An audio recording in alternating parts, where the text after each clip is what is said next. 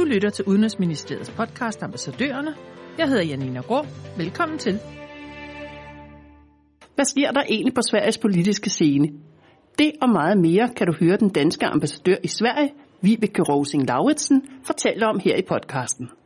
Her i sommer tager vi på rundtur hos vores nordiske naboer og hører de danske ambassadører om både vaccineudrulning, politik og økonomi, samt hvad der optager befolkningen her og nu. Og vi er altså fortsat til Sverige i denne podcast. Velkommen til dig, Vibeke Rosing Lauritsen, som er med på telefon fra hovedstaden. Tak. Vil du ikke starte med at give et øjebliksbillede af coronasituationen i Sverige med fokus på vaccineudrulningen specielt? Jo, det går rigtig godt med øh, vaccineudrulningen. 75 procent har fået første dosis, og øh, cirka 48 procent begge doser. Det går også bedre med at få alle øh, svensker, inklusiv de nye svenskere, til at få øh, lade sig vaccinere. Det var en udfordring i starten af pandemien, eller da vaccinerne begyndte at komme, også at nå ud til, øh, til øh, de øh, borgere, som ikke var født i Sverige. Vaccinationsgraden for dem er lavere end for folk, der er født i Sverige, men, men Sverige øh, har faktisk været rigtig god til at nå ud.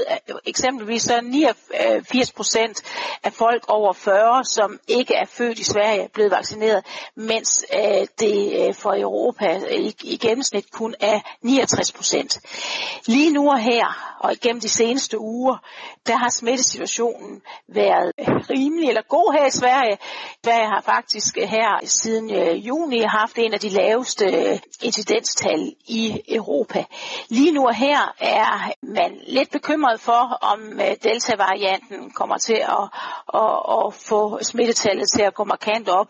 Men altså, øh, øh, status lige nu er, at man i sidste uge, der var der 1500, der blev smittet i Sverige. Det var 24 procent flere end ugen før, men generelt er det et lavt smittetal, vi heldigvis oplever lige nu.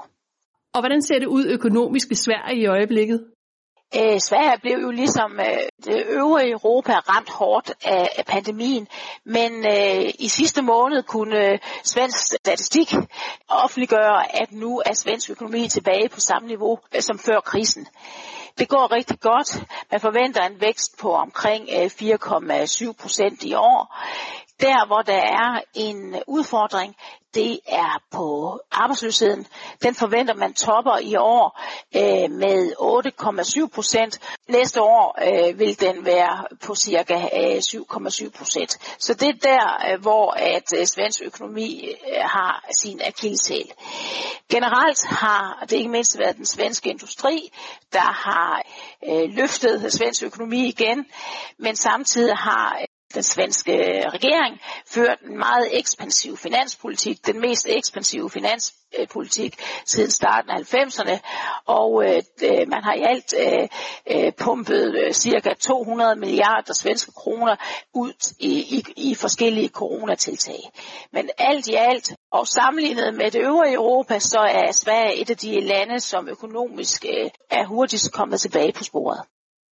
Og så er der politikken i Sverige, som har nået danske medier, og som rigtig mange danskere har fulgt med i. Kan du fortælle noget mere om, hvad der foregår? Ja, det har været en lidt speciel sommer. Man har oplevet, at statsminister Löfven blev afsat ved en mistillidsafstemning, for derefter 17 dage senere at blive stemt igennem øh, parlamentet Riksdagen igen. Men man skal faktisk øh, helt tilbage til øh, valget i 2018, hvor der var en meget vanskelig øh, situation. Øh, fordelingen af øh, mandater gjorde det vanskeligt at en regering for Løven. Det lykkedes, øh, hvor at øh, han, øh, eller Socialdemokraterne sammen med øh, Miljøpartiet, fik øh, lavet en, øh, en aftale, den hed januar, januaraftalen, med to borgerlige partier, Liberalerne og Centerpartiet, som normalt har været sammen med, med, med de borgerlige partier. Og den her aftale, øh, der øh, forpligtede alle de fire partier sig til ikke at samarbejde med den, det yderste venstre og det yderste højre, Venstrepartiet og Sverigedemokraterne.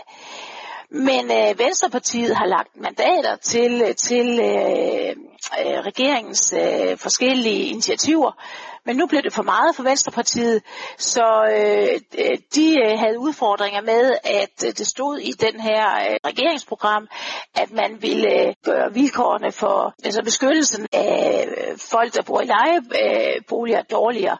Og det endte så med, at, øh, Venstrepartiet troede med at vælte regeringen. Det tog Sverigedemokraterne, altså partiet længst til højre, øh, op og, og lavede sådan en votum, som så blev, øh, fik støtte både fra Venstrepartiet og de borgerlige partier. Så ja, en meget speciel øh, øh, sommer, hvor Løven nu er igen har dannet regering med fuldstændig den samme regering, men øh, situationen er meget labil, fordi det er ikke sikkert, at Løven kan øh, få øh, støtte til sit øh, finanslovsforslag, og han har udtalt, at han kun vil regere med sit eget eller Socialdemokraterne om Miljøpartiets øh, budgetforslag. Så derfor kan det være, at vi risikerer et valg en gang øh, til efteråret generelt, så, så øh, er det ikke noget med hverken øh, medlemmerne af rigsdagen eller, eller det, det meste af Sveriges befolkning ønsker, fordi Sverige har faste valgperioder, så under alle omstændigheder skal der være et valg 11. september øh, 2022, så derfor er det ikke øh, måske så fedt at få et valg her i efteråret 2021, som så øh, dem, der bliver valgt ind der, de sidder øh, kun frem til september det efterfølgende år. Men selvom den politiske situation, som du lige har beskrevet, har været meget spektakulær, kan man sige, så er det ikke det, der optager befolkningen mest her og nu. Nej, man er dybt bekymret for udviklingen i den grove vold med bander her i Sverige. Det var meget i fokus øh, i efteråret inden pandemien. Det kommer sådan, øh, man, jeg har sådan en app på min telefon, der giver mig de vigtigste nyheder, og beklageligvis så vågner man ret mange morgener op til, til, til nyheder om, at der har været skyderi øh, et sted i Sverige, ofte øh, i storbyerne. Her for, jeg tror det var sidste uge, der var der øh, et, et bandeopgør, der ramte ramte to små børn, som var ude at lege i en forstad. Heldigvis så, så øh, blev de ikke alvorligt skadet, men det er jo med til, altså en ting er, når, når de her øh, bandeopgør, at, de, at det holdes inden for bandemiljøet, men i stigende grad er, er øh, uskyldige øh, borgere blevet ramt af de her bandeopgør. Så derfor er der meget, meget stor fokus på, hvordan får man stoppet den her grove vold i Sverige.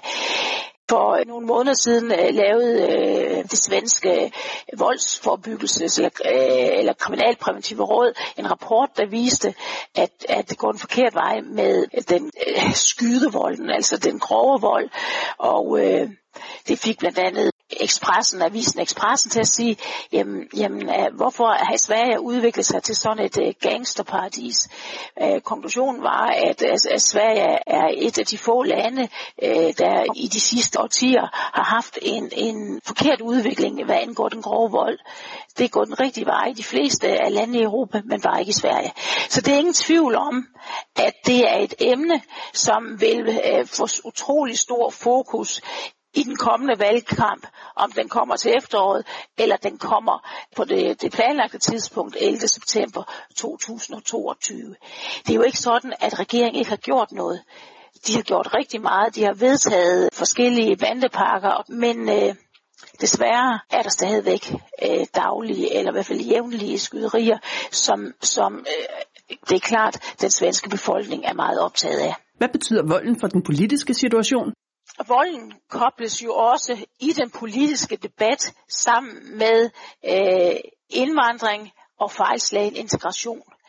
Øh, det, der er ændret sig siden øh, valget i 2018, det er, at de to borgerlige partier, Moderaterne og Kristendemokraterne, har tilkendegivet, at man godt vil tælle Sverigedemokraternes stemmer med efter et kommende valg.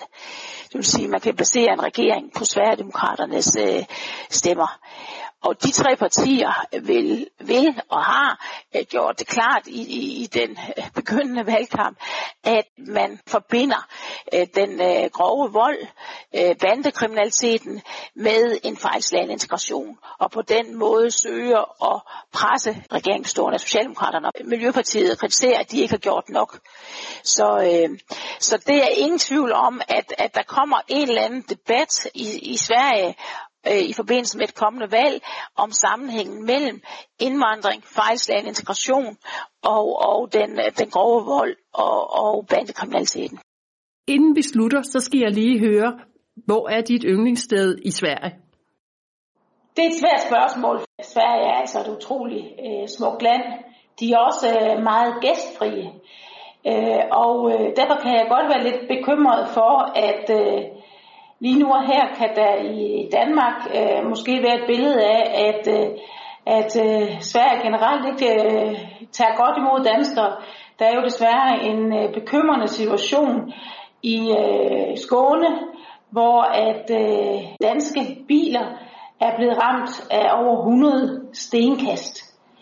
Det er skrækkeligt. Svensk politi arbejder meget stærkt på, på at få løst det, men der har desværre ikke været noget gennembrud i sagen endnu.